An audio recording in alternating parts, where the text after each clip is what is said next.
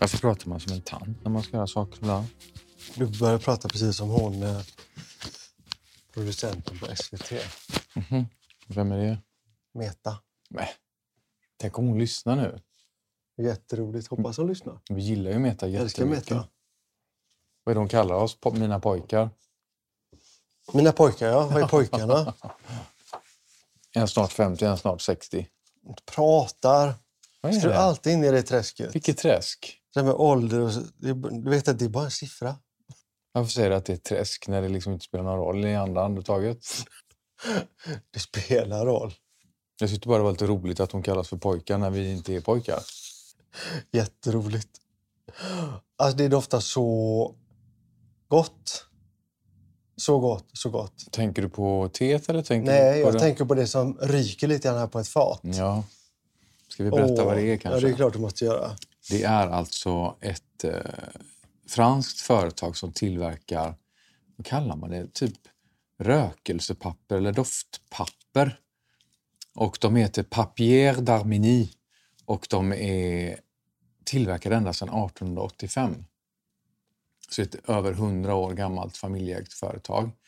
Och då blötlägger man alltså lite kraftigare, grövre papper i någon form av parfymolja och så får det ligga där. Jag kommer inte ihåg nu, jag läste den här historien, men om det var några dagar eller någon vecka och suga åt sig av de här doftessenserna, parfymoljan. Och sen torkas de papperna och så häftar man ihop det så det blir som ett litet bokhäfte nästan.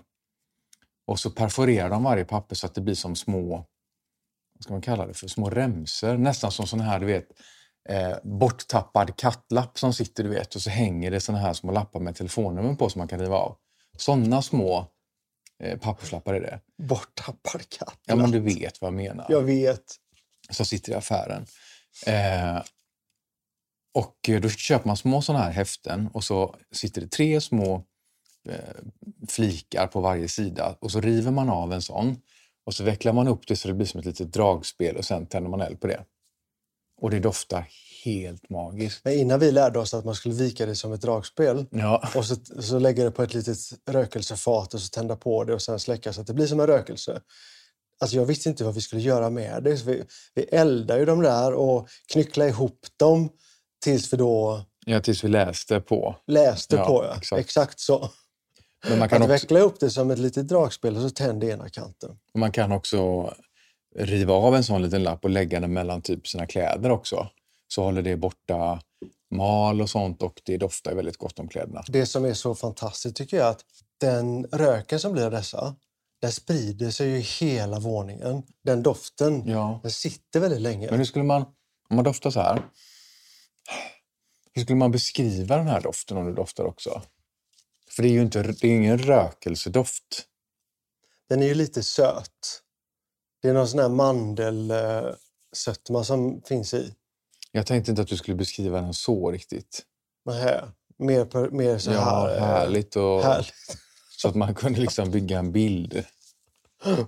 Det är bättre jag svarar på min egen fråga. Jag tycker att det doftar som man tänker sig att ett gammalt fantastiskt bibliotek någonstans i Frankrike Vad tycker doftar. du det? Nej, det Ja. jag. Jo, men det doftar Jag tycker mer det kommer in en sån här... En, en tant med, med läppstift som doftar och en handväska som doftar och någon sån här parfym som är så lite lädrig och så ihop med böckerna. kan Ja, jag förstå lite grann bibliotek. Ja, det, för mig är det mycket trygghet i detta. Vi har ju debatterat det här lite grann du och jag, men första gången som vi började med dessa, visst var det när jag hade beställt en doft från detailery.com så skickade han med ett litet sånt häfte. Ja, och som vanligt vill jag ju ha det till att jag hittade de här någonstans. Ja. men du hittade sen tror Men det jag. var, du har säkert rätt, jag tror det. Ja.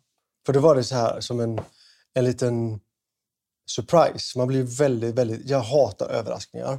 Men man älskar surpriser när man Ja. får någonting som, är, som man inte har förväntat sig. Så. Men jag vet att vi har ju köpt sen av honom jättemånga gånger på Detailery. Ja. Och eh, det som är så lustigt är att i, på apoteken i Frankrike kan man köpa de här. Men det här går också väldigt bra ihop med det teet vi dricker nu. Ja, berätta. Vi har pratat om det förut, men det är faktiskt ett eh, björnbärs te från Perch i Köpenhamn. Mm. Mm, vad gott det är. Jag vet, det hänger ihop väldigt mycket med din, eh, ditt sommarlov. Ja, jag tänkte precis på det här att vad kommer det sig att vi, vi återkommer till vissa saker och så gör vi dem om och om igen. Och vi säger oftast att man vill ha förändring, vi säger att vi vill ha nya upplevelser, nya smakupplevelser. Men ändå knarkar vi liksom den här invanda tryggheten och vi vill ha samma upplevelser om och om och om igen. Precis som med det här teet. Mm. Alltså jag vet inte hur ofta vi säger det, att nej men vi tar väl björnbärsteet. För man vill återvända till de associationer man får när man dricker det och doftar på det. Ja, när man dricker eller äter eller doftar på något första gången och man får den där "Åh, herregud, så söker man den, den känslan igen. Mm. Alltså man vill uppleva det där igen. För någonstans så vill man ju få de här eh, jungfruupplevelserna, alltså första Mm, gången. Mm, mm. Samtidigt som man också är lite rädd för dem.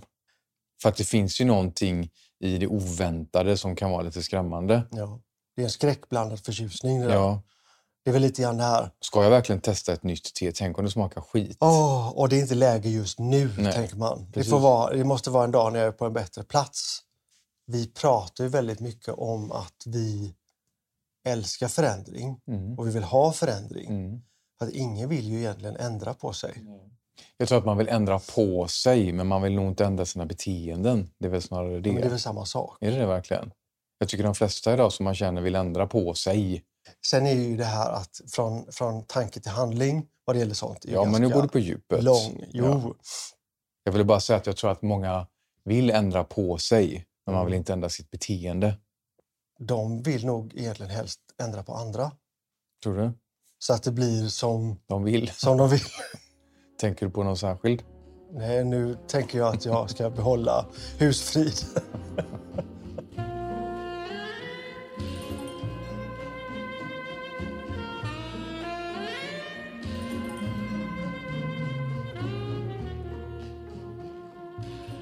Men gillar du nyheter? Alltså att ändra på saker och förändringar? Jag tror att, jag tror att vi vill tro att vi är så unika i de här frågorna, men jag tror att vi är väldigt lika varandra, alla människor.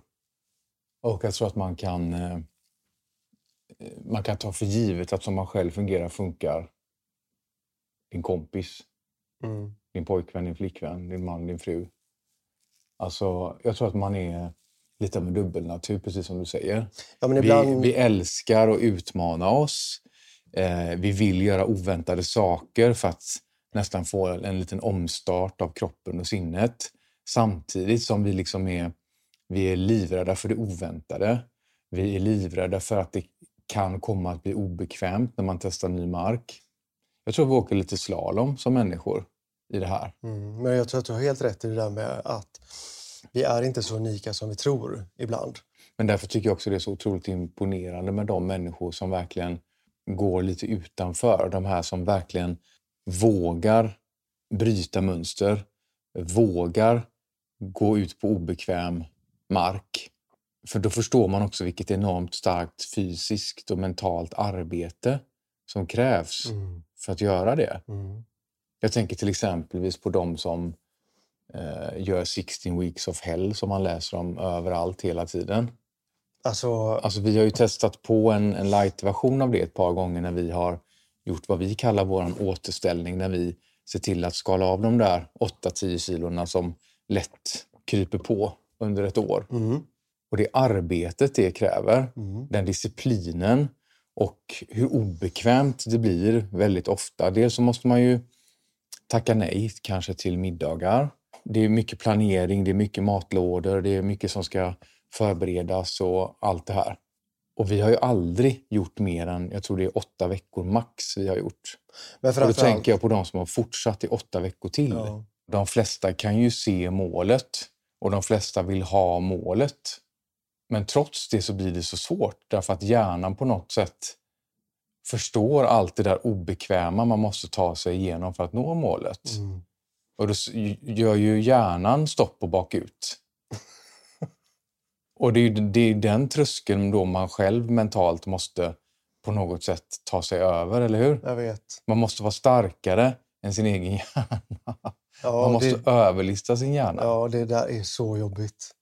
Och det gäller att komma över den där tröskeln så att man alltså, känner att, att man får, får ut något av det. Ja, men det får man ju, för Jag det, vet det man ju. Ja, sover bättre, bättre hy, eh, ögonen blir klarare, hjärnan blir klarare, eh, magen försvinner. Men allt, det, är, det är bara uppsidor. Ja, ja visst. Bara och alla dina värden i kroppen blir bättre. Ja, Och, ändå så fortsätter min hjärna säga det är jättegott med kexchoklad. Mm. Det är jättegott med kexchoklad.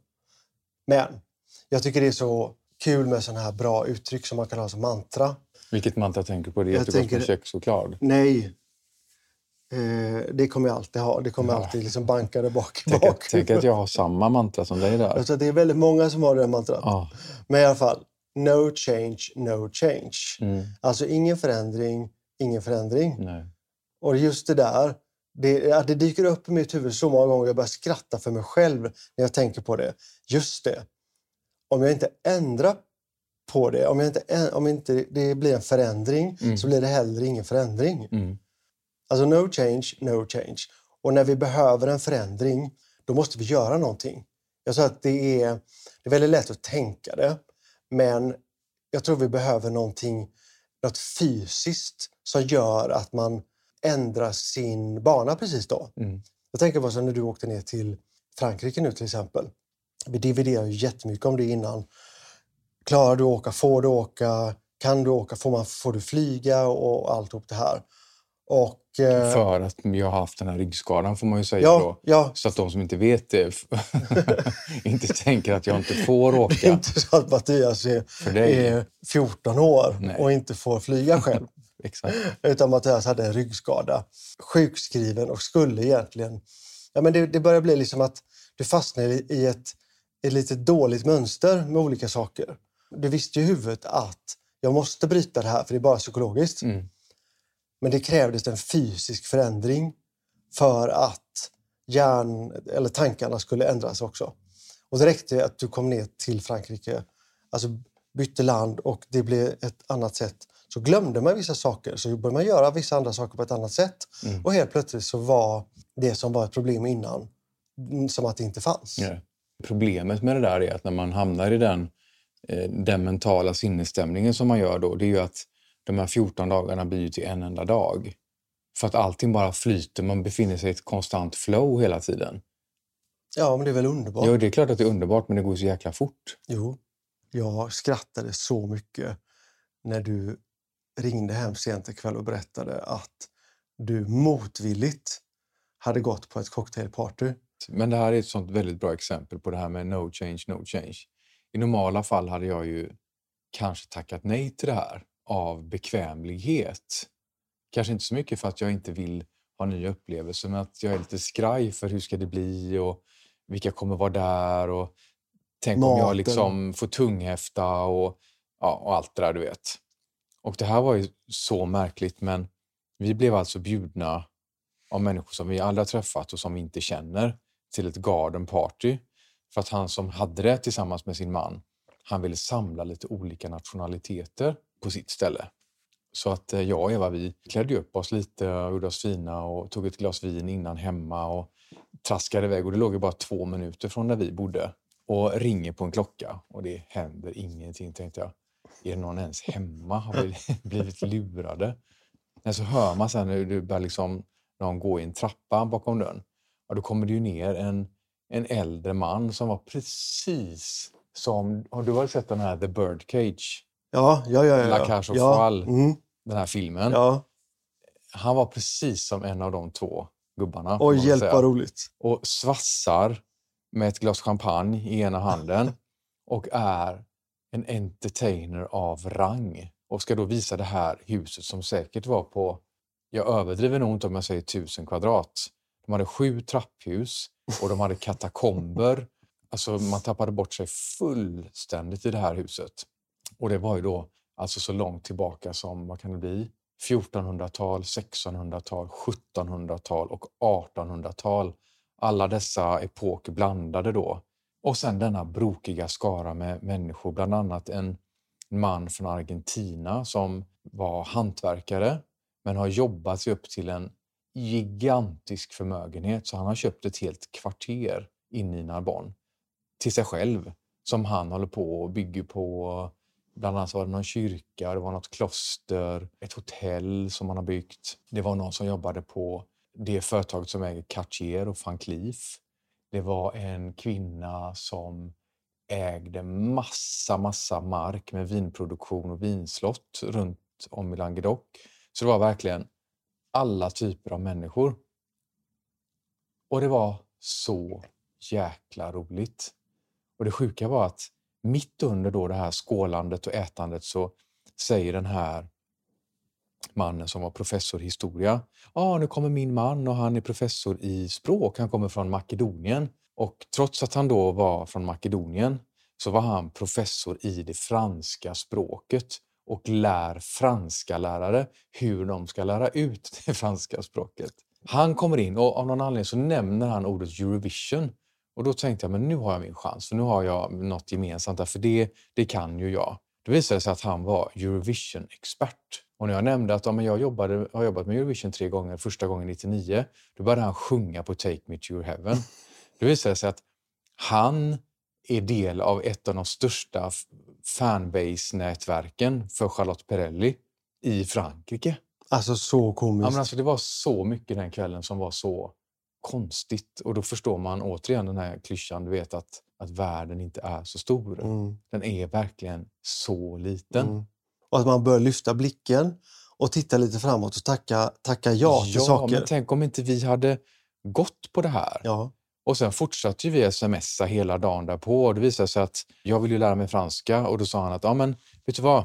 Om du lär mig att och, eh, lägga en snygg makeup som inte syns så ska jag lära dig tekniker för att lära dig det franska språket mycket snabbare och mycket lättare. Den kursen vill jag också gå. Ja, men jag känner att men jag ser fram emot det här jättemycket nu. Ja, det är klart. Alltså det är den typen av, vad ska man säga, alltså rikedom. Det handlar inte om pengar utan rikedom är med, rikedom. med eh, upplevelser. upplevelser. Ja. Men jag tänker också liksom, det var, här var ett praktexempel på när, när man vågar ta det där steget, när man vågar hoppa, att man faktiskt belönas. Mm. Jag hade ju inte velat vara utan den här upplevelsen, Nej. även om det inte var jättebekvämt hela vägen. Alltså vid något tillfälle i början var det ju lite stelt och vi hamnade ute på en jättestor terrass. Och då stod vi i en ring och tittade på varandra och jag tänkte, men herregud, varför står vi i en ring och tittar på varandra? Varför går vi liksom inte runt och minglar lite? Varför sätter de inte på lite musik? Nej, vi stod i en ring runt ett bord och tittade på varandra och rullade tummarna ungefär.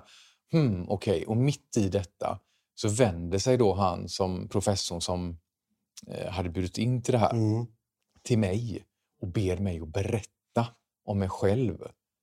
Åh herregud! Ja, jag bara tänkte, jag höll på att sjunka genom marken, du vet.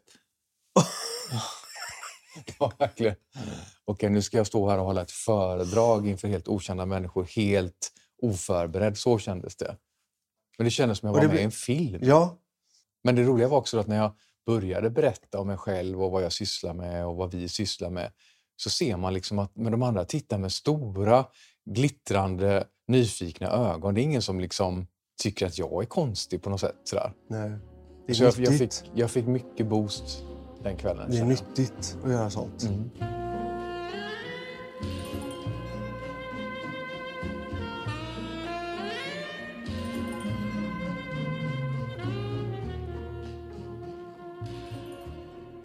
Men det, här, men det som jag vill komma tillbaka till lite grann där, att åka iväg på en sån sak som du gjorde där, det är väl lite grann som att man inser vikten av att byta miljö ibland.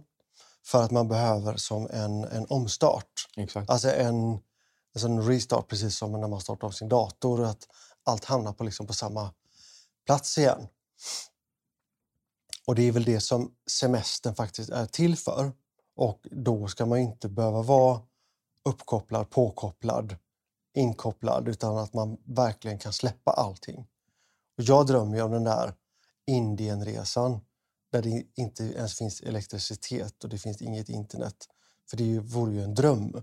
Men samtidigt, om det är en dröm, varför har man inte gjort det då? Ja, precis. För att du, hjärnan talar om för dig att det kan bli lite obekvämt. Ja, På, ditt, och på ett omedvetet plan. Är du med? Det är inte så att du går runt och tänker det, att det, det kommer bli obekvämt det här så jag skiter i det. Utan det är någonting som ligger och skaver i det undermedvetna. ja precis så. Och det, jag läste lite grann om det här och jag tror att det, det är det som kallas för elefanten och ryttaren om jag minns rätt. Jaha, och vem är du och vem är jag Nej, då? men elefanten är det här snabba, intuitiva tänkandet som sker på ett omedvetet plan. Typ att åh, jag vill åka till Indien. Okej. Mm. Och sen har du då ryttaren som är det här långsamma tänkandet som sitter, okej, jag ska åka till Indien, när ska jag åka då? Men när kan jag ta ledigt? När kan jag få en längre period?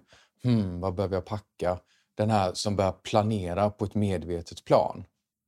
Mm. Och då har jag förstått att om då det här medvetna, långsamma tänkandet, alltså ryttaren, Mm. om ryttaren inte får med sig elefanten Mm. så kommer det aldrig bli någonting. Det innebär alltså att man på ett djupare plan måste tro på det här, att det är en bra idé. Man måste få elefanten att, att tänka att men, det kanske inte gör så mycket om det blir lite obekvämt, eller det kanske inte blir obekvämt alls. Det är först då som de här två kan samverka.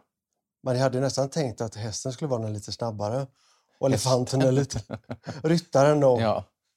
Och elefanten skulle vara den lite Nej, slow. men elefanten är ju slow, den Ja. är svårare att få med. ja, det jo, är den det är som måste övertygas. Det är som att det tar väldigt lång tid att vända en, en tankbåt. Mm. Att eh, det, det startar med någonting men det tar väldigt, väldigt lång tid att få, få runt det här Mm, stora skeppet. Exakt.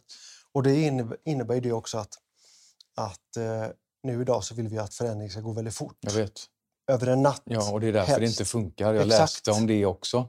Att, eh, Gud vad du har läst jag vet, mycket. men jag tycker det är spännande med förändringsarbete och varför det är så svårt och varför det är så ofta det går och det tycker inte jag då, eller? med.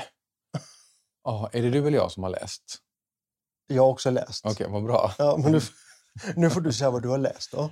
Nej, men jag läste just det att eh, om man tar ett, ett större förändringsarbete. Vi pratar Mm. till exempel en, ta en organisation, ett företag. Mm. ett förändringsarbete tar på riktigt om man verkligen ska få det att gå igenom och fungera. Det tar mellan två till fyra år Mm.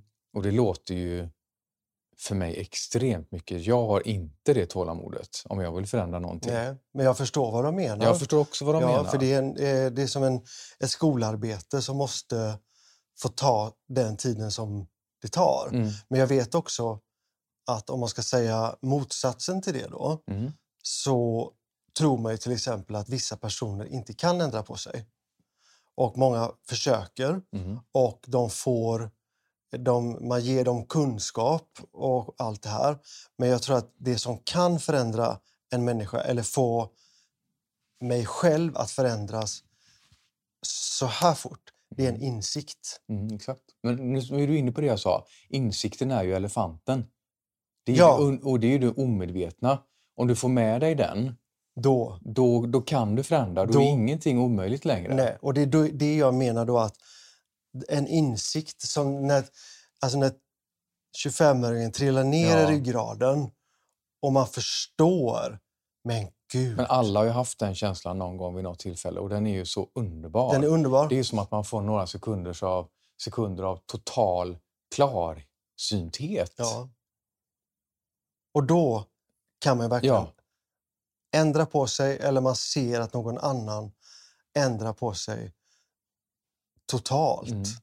Och det är ju, jag vet, jag fick lite grann en sån när jag läste eh, ett annat citat. Nu, jag har läst annat än citat och sån här. Eh, Instagram, Populärvetenskap och populärvetenskap, grejer. killgissningar Och, Men, nej, men jag lyssnade faktiskt på ett, på ett föredrag, så var det.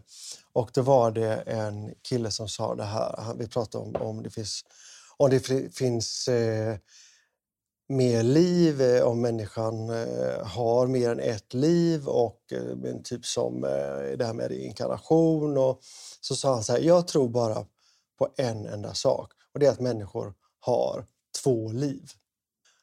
Det första är första livet och det andra det startar när man inser att man har bara ett liv. mm, Men det var ju sån där liten paradoxal eh, trudelutt liksom.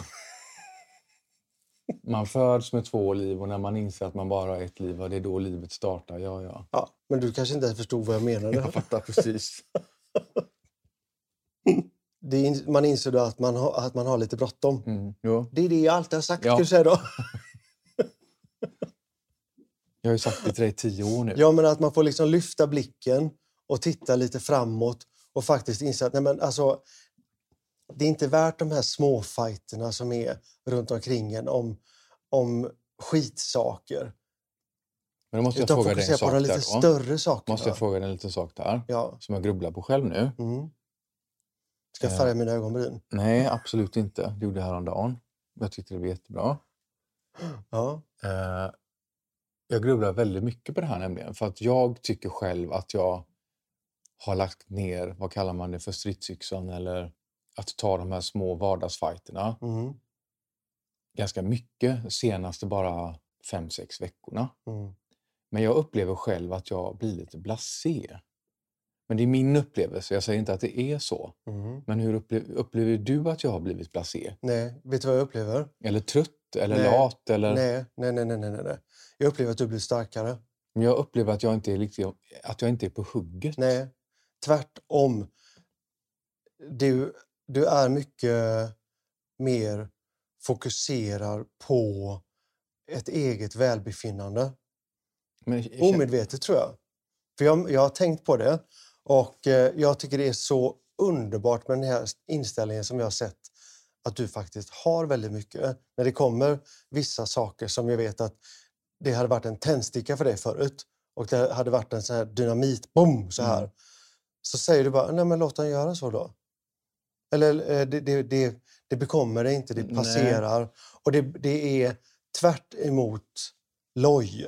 Men varför jag känner så, det är ju för att jag känner inte att jag gör det eh, aktivt för att vara duktig, utan jag känner att jag inte orkar. Och det bidrar till känslan av att jag känner mig lite lat Nej. och lite blasé. Nej, nej, nej, nej, nej. Och nästan blir lite skraj. Nej. Men varför? Det här brukar ju bekomma mig, Vet tänker vad? jag. Och jag tänker också ofta, precis det du sa, att det här brukar vara en tändsticka för mig. Men det är precis som att det inte biter längre. Vet du vad? Nej. Det är, det är förändring. Det är utveckling. Det är att ha allt det man har lärt sig innan, att man eh, lever efter det. Titta på... Jag ehm, hoppas att du har rätt, för att man vill liksom ja, men jag tycker att det är... en, det är, är en tråkmört. Nej, nej, nej. nej. Sen, så du, jag ser ju att du, du blixtrar ju till mer än de flesta andra ändå. Men du, du låter vissa skitsaker bara passera. Ja, men låt dem, låt dem hålla på då. Eller det ringer. Nej, jag svarar inte nu för jag är inte på eh, En bra plats. en bra plats. Att man tar ett beslut. Jo, men det där tycker jag Att också är man intressant. lever efter, efter sina deviser mer än att man måste ta varenda strid. Men det tycker jag är väldigt intressant att du sa just det här med att svara. För det har också tänkt på att för mig har det blivit så otroligt tydligt att vikten av att svara när man är på en bra plats. Ja. För, att jag, för mig är det så otroligt tydligt att om jag inte är på en bra plats och svarar så blir det ju inget bra samtal. Och då ger man ju inte den personen som ringer heller en ärlig chans till ett bra Nej, samtal. det är jättetaskigt. Man tar sällan några bra beslut under ett sånt samtal. Jag känner i alla fall att jag försöker ta mitt ansvar och inte svara när jag inte är på en bra Ja, plats. men sån har jag alltid varit. det kan räcka med att det, ring, ringer och jag ligger kvar i sängen. Jag skulle aldrig svara. Nej, men igår var jag, jag- galen på det när du inte svarade. Ja, men då satt jag i telefon. Ja, exakt. Och Men då- du såg väl att... Nej, jag Telefon. kollar ju inte sms när jag pratar telefon. Vet du vad?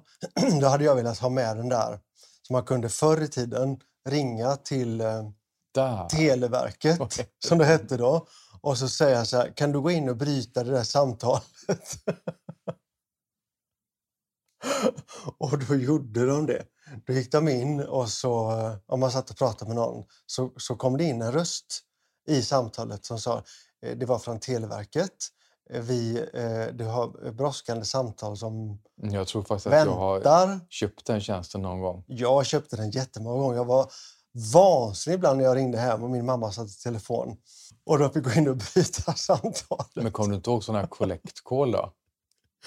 Det är klart jag kommer ihåg collect call. Ja, när man ringde fast man inte hade pengar Ja, så fick operatören som då svarade ringa upp personen ja, och fråga Vill du eh, Patrik Lernberger ta ett samtal från USA och stå kostnaden? Typ. Ja. exakt. Och du var tvungen att säga ja och så kopplade samtalet fram. Ja. Men i alla fall, då vill man gå in och, och, och bryta för att bara hallå, jag har något viktigt för hade du varit uppe i Botaniska och tappat din dörrnyckel. Och sen så var det öppet sent i Botaniskas eh, eh, sån här eh, shop. Och så gick jag in och frågade och då tog hon upp nyckeln från kassan. Är det den här? Mm. Bara, ja! Tappa nycklar. är- Åh, det, det är så här, det, man kan ju reta ihjäl sig på sånt där.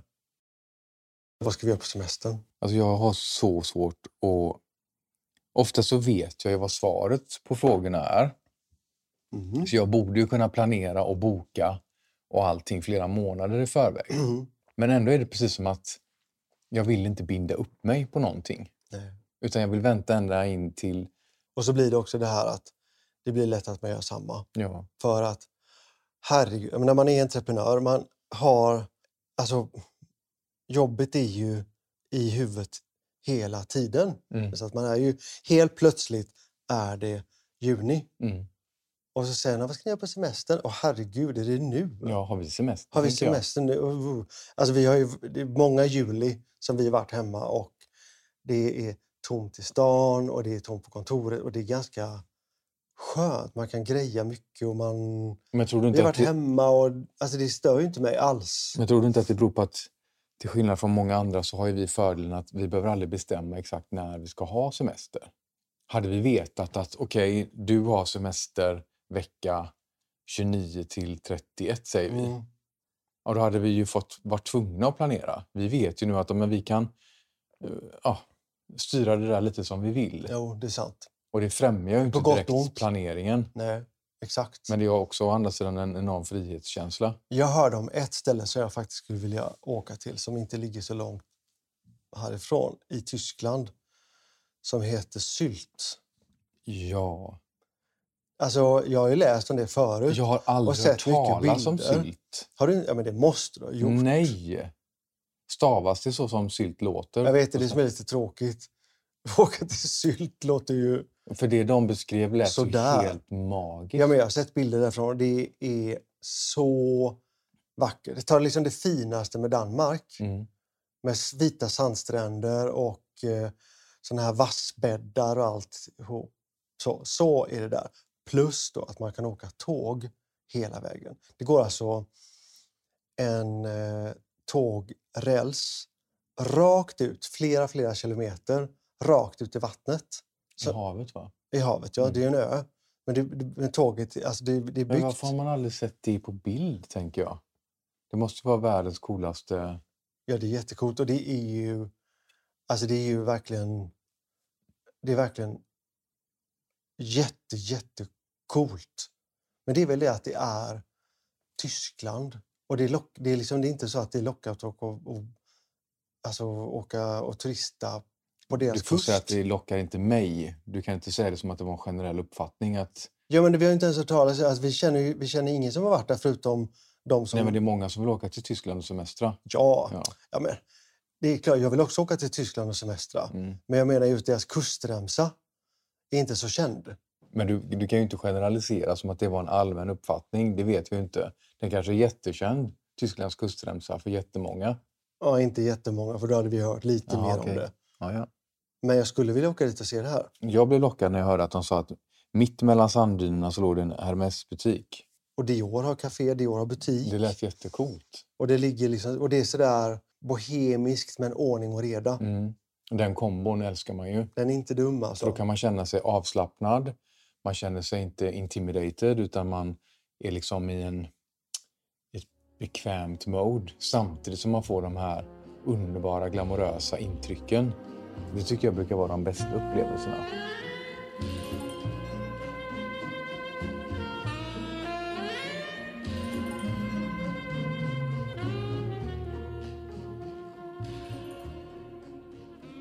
Jag tänker lite grann, kommer du ihåg första gången som vi var i Hongkong? kommer aldrig glömma det. För Det var också ett sånt... Ja, Jag kommer ihåg hur motvalls jag var att åka till Hongkong. vi ville inte åka till Hongkong. Jag hade sån ångest, jag var så ledsen och jag var så orolig. Jag kände Hongkong aldrig i livet. Jag hade bara sett de här du vet, bilder och filmer med massa skyskrapor och kände inte alls. Vi hade ingen lust att åka till Jag var Hongkong. nästan lite rädd för att åka till Hongkong. Ja. Och så kommer vi väl till Hongkong. Och sen så ska vi träffa de som vi ska jobba med. Och eh, det kom världens största eh, Geländewagen, heter den, va? den eh, Mercedesen. ja just det. Tvärnitade. Ut hoppar en pytteliten kvinna med världens största leende och världens högsta klackar Ja. och bara hoppar upp och kramas och är så mysig och rolig och trevlig och vi fattar ingenting. Nej. Och sen hade vi ju vansinnigt roligt med henne och sen träffade vi hennes man och helt plötsligt så kände vi bara, men det här kan, ju, kan bli riktigt trevligt i Hongkong. Sen hade vi ju ett par dagar som var helt fantastiska. Ja. Och de blev ju alltså de blev väldigt, väldigt nära vänner till oss. Mm. Så att jag ska ju faktiskt åka och träffa honom, KS, i Stockholm imorgon. Mm. Och jag tänker inte att jag ska jobba imorgon. Nej. Utan ja, vad kul, vi ska åka och träffas och ha väldigt roligt. Och när man kommer dit att man har väldigt kul, då blir det ju inte att man jobbar. Jag älskar Hongkong. Det är någonting... Det är något speciellt.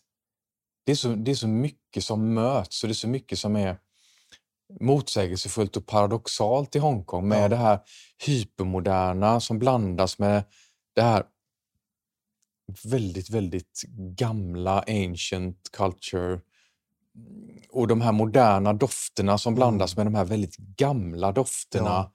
och de moderna husen som blandas med de gamla. Det är så, det är så mycket kontraster som samlas på en sån otroligt liten yta. Ja, och där åt jag min godaste hamburgare Ja, någonsin vet. som jag ätit i hela mitt liv. Jag höll på att ramla baklänges. Kommer du ihåg att pommes fritesen var friterad i ankfett? Var Jag det, va? vet, gåsfett. jag fick lite panik när jag tänkte på det. Ja, men det smakar inte gås Nej. eller anka. Eller, Men de men säger var- att det har någonting med att det, det har en högre temperatur, Temperatur. blir det väl? va? Och det roliga var också att vi var på en annan restaurang som heter um, Ja, doubles. Duddles. Ja. Och precis när vi går in ja. där så krockar dörren med cousin Isabel. Isabel. Inte, Isabel. Isabel Nu gjorde du så här konstigt L igen. från Downton Abbey. Varför säger du åh? Men jag sa inte så. Jo, det sa visst. Nej, det blev fel för jag började skratta. Okej, säg då. Cousin. Cousin Isabel. Ja, det var bättre. Och, eh, Men det var och, konstigt. ja, det var så, Vad gjorde hon så, vad gjorde där, hon liksom? där? Av I alla ställen. Vi, hade, vi har bara haft såna fantastiska upplevelser i Hongkong. jag tänker också när vi var på den här eh, vad cocktailbaren i Bank of Chinas skyskrapa, va? Ja, som låg överst. Som var, det var så konstigt att åka upp i en skyskrapa som ser modern ut på utsidan men är liksom gammal på ja den var från insidan. 20-talet. Ja, Läskigt var det. och där var, skulle, tog man någon, var det gindrink man skulle ta? Ja, de hade bara gindrinkar. Och eh, vi eh, kände oss... In, alltså det var ju jättesvårt att komma in där. Så att det var en concierge på hotellet hade ju fixat allt det här. Så att vi då hade fått tillträde till den här baren. Och eh, Varför gjorde du liksom lyftet på huvudet så att, ja, lite så? varför, varför ska du löjla Nej, jag dig? löjlar mig inte, jag bara tittar på det och tänker vilket skådespel det här är. Och alla som lyssnar missar det som jag ser. Men det är, det är väldigt, om man bor på ett bra hotell så ska man nyttja concierge-servicen. För det är en del av att man bor just där, för man får den hjälpen man behöver. Ja. De öppnar dörrar. Men där ser man också vad... Eh, faktum är, vi- pratar ju om att man ska utmana sig själv och göra nya saker. Men alla gånger vi har varit där nu har vi bott på samma hotell, Mm. The Upper House. Mm. Och där ser man också vad faktiskt det kan löna sig för vi har blivit uppgraderade. Och någon gång fick vi till och med penthouse-sviten Mm. som var det sjukaste jag har varit med om Mm. i hotellväg. Mm. Och sen sista gången vi var där och stod och väntade på en taxi, då kom hotellchefen ut och sa Nej, men jag kör er och kommer brummandes i en stor Bentley Jeep. Mm. För man får inte gå där. Nej, Alltså vi älskar ju att gå. Men sen är det för varmt att gå, nej det är för fuktigt att gå. Nej, ni kan inte gå. Vi bara, men vi går gärna. Nej, nej, nej, nej, nej, nej, nej. Vi kör. men då kan man ju alltså faktiskt bli belönad ibland när man är en återkommande gäst. Mm. Älskar den känslan. Ja. Att bli sedd du, och bli behandlad på ett, ett sånt där sätt som gör att man känner sig privilegierad. Mm. Och det är underbart. Men jag tänker på en annan sak här nu som jag har undrat lite grann varför det kommer en massa konstiga paket med fotoutrustning här. Är det någonting du inte har berättat för mig? Men vad du håller på.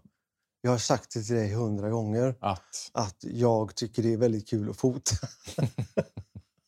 okej, men det har du ju sagt i hundra år. Ja, men nu har jag bestämt Att, att nu ska, nu ska det inte pratas om förändring här. okej. Utan nu är det förändring. Nu ska jag... Och för det behöver du massa saker då? Ja, Okej.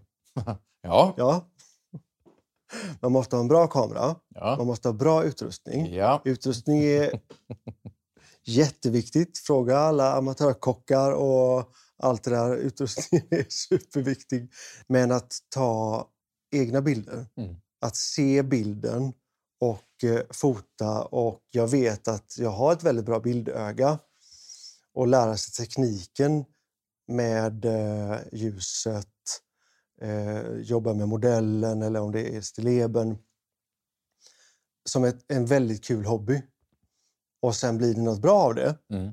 Då blir det något bra av det. Det är klart det kommer att bli något bra av det. Jag var ju lite grann inne på det också förut, att om man, om man vågar flytta markörerna, om man vågar eh, förändras, Ja, så belönas man ju oftast, upplever Ja. jag det som. Tänk om man kunde programmera sin hjärna att, att förstå det. Det är inte farligt med förändring. nej. Det är inte farligt att våga testa någonting nytt. Det här som Johanna Hector sa när hon var med i vår episod är fruktansvärt bra också vad det gäller att tänka när, när det är, eh, handlar om förändring. Och just det här att man säger ibland men jag, jag hade inget val. Mm. Man har alltid ett val. Man har alltid ett val, Mm. ja. Och då sa hon att man har tre val. ja. Och eh, jag gillade det hon sa och jag tänker väldigt ofta på det. Mm. Då kan du få säga dem då. Ja, Om du kommer ihåg dem i rätt ordning. ja. Det är att när man ställs inför någonting så har man tre val. Och det är att acceptera, att lämna eller att förändra. Ja, nu sa de lite fel ordning. Okej? Att acceptera, förändra eller lämna. Alltså lämna kommer sist. Sa jag inte så? Nu då? sa du lämna i mitten. Okej. Men det spelar väl ingen vilken ordning de kommer Jo, man, man lämnar... Nej, det spelar inte alls någon ordning vilken, eller, någon roll vilken ordning de kommer i. Det som jag tänker, Jag vet. det som slog mig mest med det, det var väl kanske att lämna eller förändra. Det känns ju som att det är väl det de flesta tänker på när man ställs inför någonting där man behöver en förändring. Mm. Och det är väl det som många tycker är svårt. Att förändra till exempel, ja, men det är ju att kanske ta konflikten, att stå upp och allt det där. Och att lämna kan också vara lika svårt för man vill inte såra. Mm. Men det som slog mig med det här var att att acceptera är faktiskt också ett val. Ja. Och då tänker jag att det är nog inte många som tänker det och jag själv, mig själv inberäknat där. Att när man väljer att inte göra någonting så är det faktiskt också att göra något. Det är ett val. Det är ett val. Mm. Du väljer att vara kvar i en, i en dålig relation. Du väljer att vara kvar i ett dåligt beteende, en dålig vana eller vad det nu är. Men det, det, det är liksom, du accepterar det då och då Mm. är det ditt val. Och det var lite så här, ja men det var ju, eh, när jag insåg det så var det som att sitta högst upp på toppen i berg precis innan backen kommer. Liksom. Jag insåg att herregud Mattias, Mm. du väljer varje dag saker som du tror du är ett offer för, Mm. men du inte alls är ett offer för. Du väljer det. Det är det här med insikten. Och Jag vet inte hur många gånger i veckan jag tänker på det. För det är så lätt att hamna där att man tänker att jag är ett offer för omständigheterna. Ja. Nej, men du väljer det här, Mm. Mattias. Du väljer själv det här. Mm. Du väljer att ta det här, du väljer att lyssna på det här, du väljer att utsätta dig för det här eller vad det än är. Och då blir Mm. det så mycket lättare att faktiskt ändra bana och Mm. att byta val till att förändra eller lämna. Mm. Jag tror det, jag hör ju det nu när jag pratar om det, min största skräck är nog att fastna i det här att acceptera. Att sätta mig ner och att acceptera mitt öde, att acceptera eh, någonting som inte känns bra. Mm. Men vad var det? Vi diskuterade också det här när vi pratade, när vi gjorde lite research inför den här Mm. episoden. Mm. Att eh, ett sätt att eh, fly, det är ju typ att spela död. Mm. Och det är ju ett sätt att. Ett, ett, kan man kalla det liksom att det är lite att acceptera? Ja, det är, ju Och också, det är liksom ja, att- men det är att fly. Att fly, ja. Hmm. Nej, man ska inte bara acceptera. Nej, Förändra är inte dumt. nej, jag tycker snarare så här att, att om alla ställer sig den frågan varje gång man ställs inför liksom ett, ett val man behöver göra. Och det behöver inte vara så stort, storslaget. Det kan vara liksom, vad ska vi ta? Jag kommer inte på något bra exempel nu, men att ställa sig just de här tre frågorna. Kan jag acceptera det här? Ska jag lämna det här? Eller ska jag förändra det här? Och svarar man på någonting av det så har man garanterat sig själv att man har gjort ett aktivt val. Mm. För alla valen är ju lika aktiva, Mm. även om man bara väljer att man accepterar det. Mm. Det kan vara nog så svårt.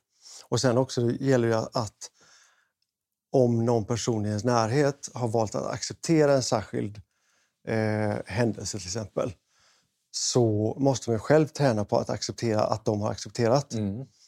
Och den är jobbig. Den är skitjobbig. Ja, den är jättejobbig. Där vill man ju oftast gå in och kanske förändra. Ja, och hjälpa dem Mm, att, förändra. Eller hjälpa dem att lämna. Mm. Men de kanske har bestämt sig för att de har accepterat. Och då måste man respektera Och då måste det. man respektera det. Ja.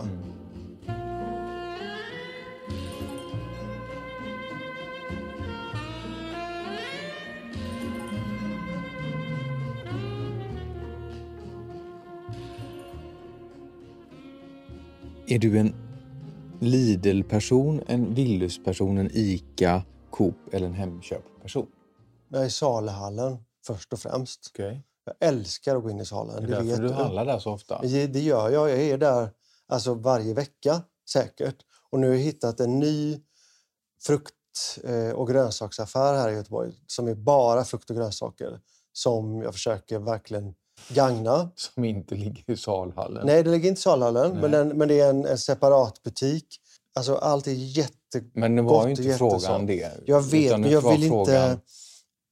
Jag måste nog då säga att jag är i första hand... Alltså just nu känner jag så här, jag har varit en ICA-person, Mm. men nu är jag lite så här... Mm, Men på vilket sätt eh, återspeglades det att du var en ICA-person? För du handlar ju typ aldrig på ICA. men det finns ju ingen ICA här i närheten. Nej, men hur kan du För säga att att- du är en ICA-person? För att när det fanns en ICA här så Mm. gick jag gärna dit för de hade musik på. Och det var, alltså det var städat, de hade liksom eh, de hade satt upp alla varor i den ordningen exakt som jag ville handla.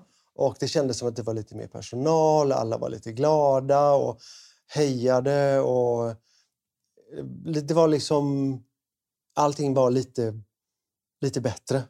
Men om du handlar på Willys nio av tio gånger Ja, men ändå är en ICA-person, ja. då har vi ett problem. Men vi har ett problem med det. I vårt område här så har vi ett problem att vi har bara Willys och Lidl. Ja.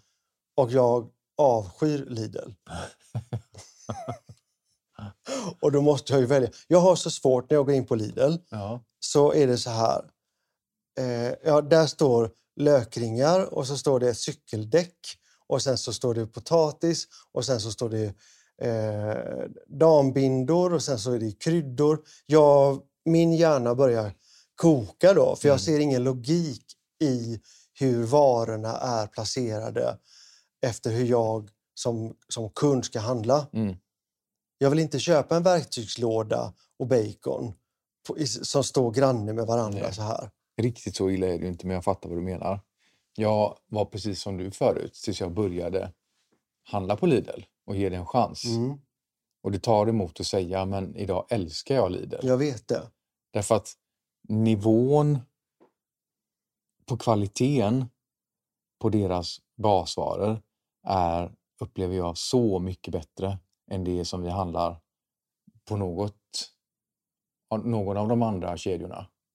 Jag misstänker att det har att göra med deras enorma uppköp som de gör, men också den kravställningen som de kan ställa när de köper upp. Och sen vet jag också att de har eh, väldigt många egna fabriker som tillverkar deras egna saker. Sen tycker jag det är väldigt kul också att de har ju så här eh, varje vecka är det något nytt land eller någon ny kontinent som har eh, tema. Du är så lik din pappa så att Så jag att, skrattar ja, men ihjäl ibland är det mig. grekiska veckor. Det kan till och med vara från Småland. De har haft Smålandsveckor. Ja, men då är det eh, mejerivaror från något litet, litet mejeri. Det kan vara någon småländsk glass, eh, kött från Småland. Alltså, jag, tycker det är jätte, jag tycker de gör det jättebra. Men Salhallen, jag älskar att gå in där. Och vilket land vi än är i, eller typ som i Frankrike, då är det ju en dröm att gå in i Salhallen Mm. och få det här att varje tomat eller varje morot är... Man känner att den har fått all den kärlek som den förtjänar. Alltså, de har ju en helt annan matkultur, ett helt annat utbud. Eh, saker smakar någonting.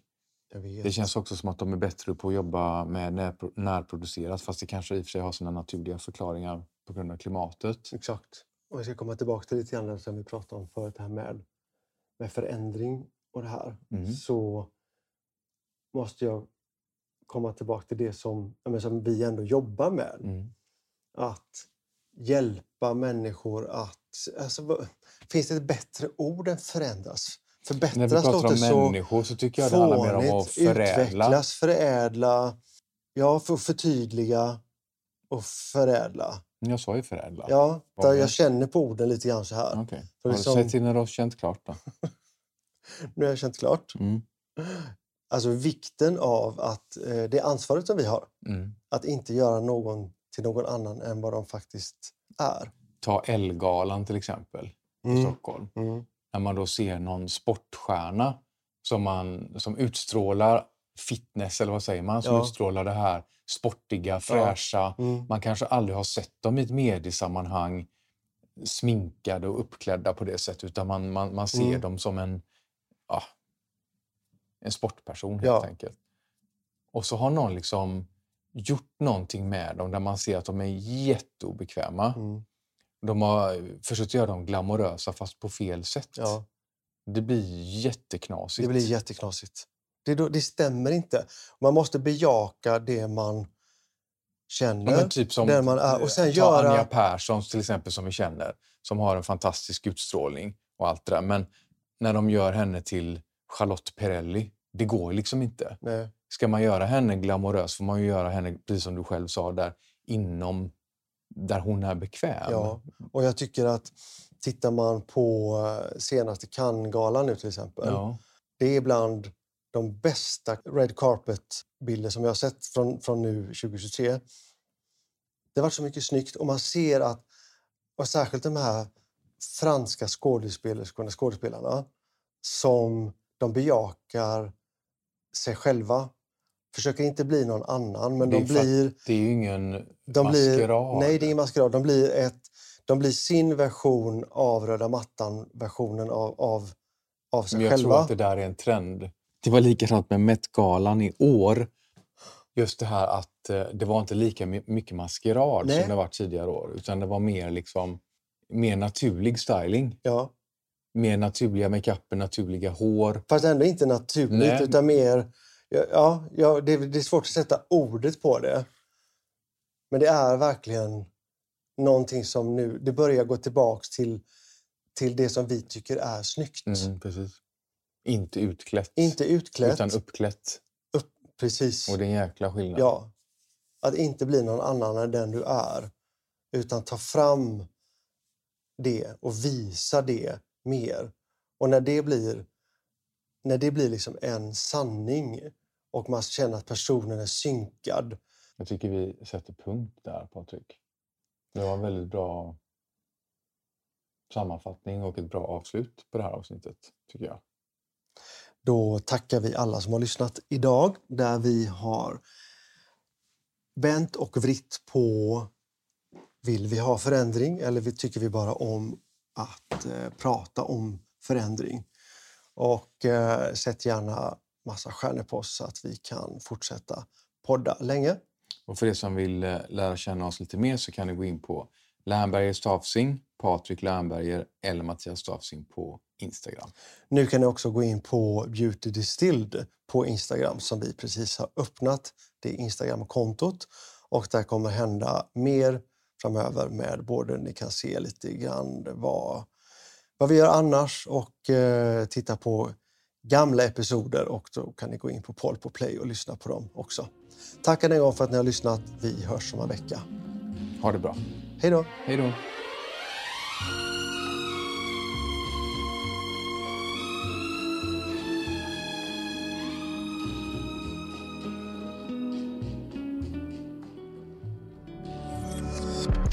Thank you for listening to this Polpo original. You've been amazing.